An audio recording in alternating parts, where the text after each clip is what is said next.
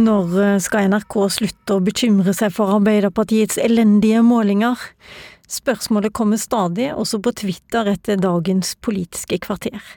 Nå er det jo ikke vår oppgave å bekymre oss for noen partier, men eh, når de som har vært størst i hele etterkrigstida sliter som nå, så hadde vi jo forsømt oppgaven vår om vi ikke fulgte med. Og så må det sies at de andre partiene på Stortinget protesterer på ingen måte, for eh, ingen drømmer om å få den oppmerksomheten som følger med elendige meningsmålinger. I dag skal partisekretær Kjersti Stenseng til Gol for å snakke om hvordan Arbeiderpartiet og LO sammen skal snu skuta før valget neste år, og dermed kom temaet på dagsorden også i Politisk kvarter igjen.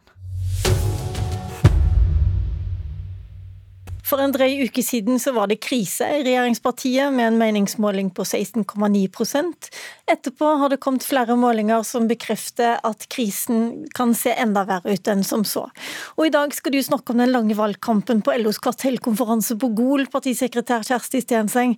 Hvordan i all verden har du tenkt å overbevise folk om at trenden kan snus? Jeg tror vi skal prate om ganske kjente ting for eh, LO når eh, jeg møter dem på Gol. Vi har hatt Eh, oss har alvorlig dårlige målinger. Og Det bekymrer meg selvfølgelig, men eh, har i hop med bl.a. fagbevegelsen klart å snu det før. Så jeg kommer til å prate om hva som er jobben vår nå i det snaue året som gjenstår fram til neste lokalvalg. Oss starta valgkampåret i året 21 med 17-tallet, og i hop med bl.a. fagbevegelsen så jobba oss veldig godt for å synliggjøre hva er de viktigste sakene for arbeidsfolk, for vanlige folk. Hvordan skal vi sørge for at vi skal ha Arbeiderpartiet styrte kommuner neste år som eh, leverer på den grunnleggende velferden til folk, har eh, et politisk regnskap etter denne perioden her på eh, eldreomsorg, på skoler, på det som er viktig i lokalsamfunnene til folk. Det kommer jeg til å prate eh, med LO om i dag, for det vet jeg òg er viktig for LO sine medlemmer. Og mens du og statsminister Jonas Gahr Støre setter dere i bilene på å kjøre til Gol, så er hele LOs ledelse på et fly. De har vært i Australia og skal videre etterpå. Så denne konferansen er kanskje viktigere for dere enn for LO akkurat nå? Ja, vi kommer nok til å savne eh, LO-toppen, men det er mange andre LO-topper og mye gode tillitsverdige på Gol, så vi kommer nok til å ha det bra i hop med dem, selv om Peggy eh, er fraværende.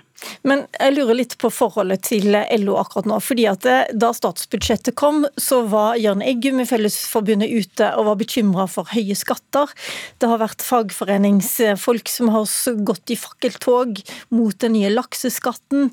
Så har du all strømkritikken, og så har du på andre sida alle som er veldig bekymra for de fattige akkurat nå.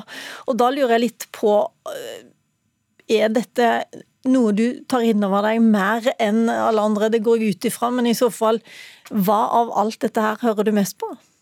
Først og fremst så vil jeg bare si at oss har et veldig godt samarbeid med LO. Og jeg hadde jo vært litt forundra hvis ingen av forbundslederne eller eh, LO-medlemmer hadde vært ute og hatt krav, forventninger, vært misfornøyde med enkeltsaker i et statsbudsjett som er tidenes strammeste, der vi har måttet satt en del ting på vent, kutta i en del ting, prioritert knallhardt.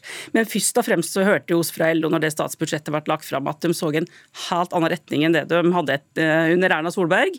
De skrytter av det vi har gjort på omfordeling på skatt, eh, på feriepenger på dagpenger, på alle grepene vi gjør for et tryggere arbeidsliv. Og så er jeg jo enig med Jørn Eggum. Jørn Eggum er jo bekymra for at det ikke skal være lønnsomt å investere i havbruksnæringa lenger. At det skal gå utover arbeidsplasser akkurat det samme si oss i den høringsrunden som er nå, så må sørge for eh, at hun skal skatte av det ekstraordinære store overskuddet som er i næringa, men hun skal sørge for at det fortsatt skal være eh, at det ikke skal gå utover arbeidsplasser, og at det fortsatt skal være lønnsomt å investere.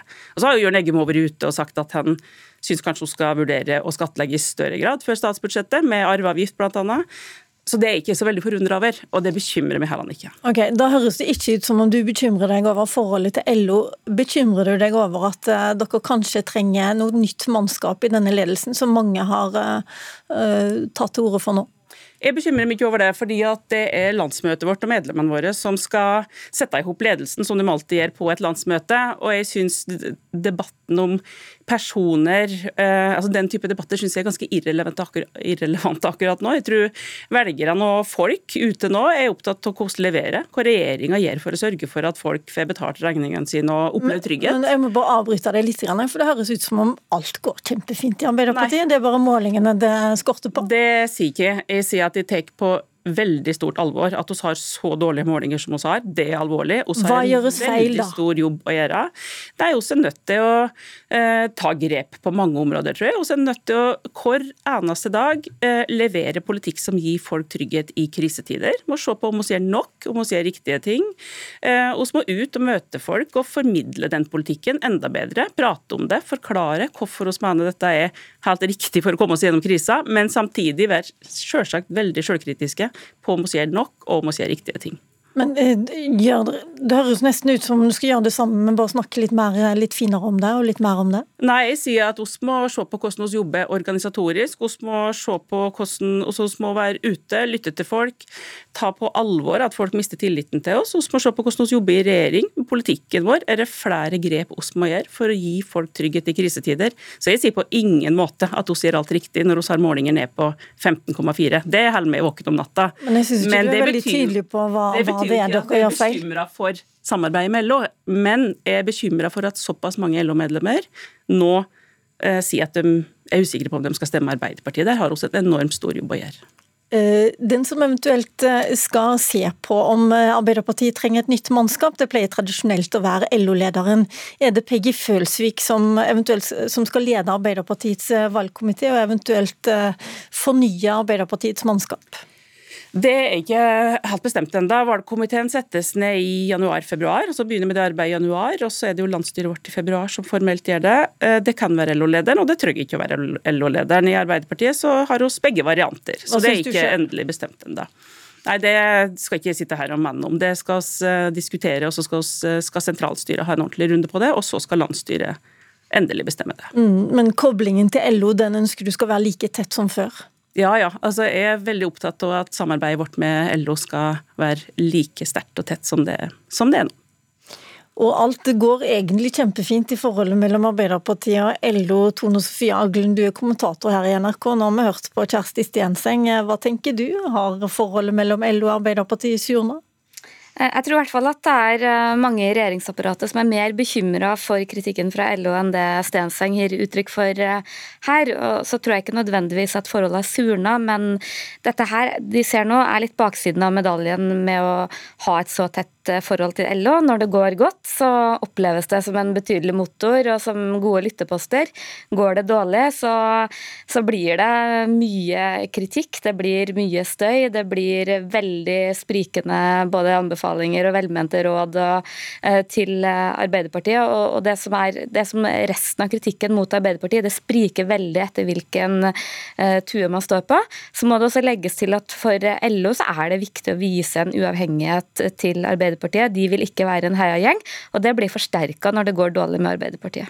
Hva tror du blir det LO-leder Peggy Følsvik som skal lede arbeidet med å fornye Arbeiderpartiledelsen?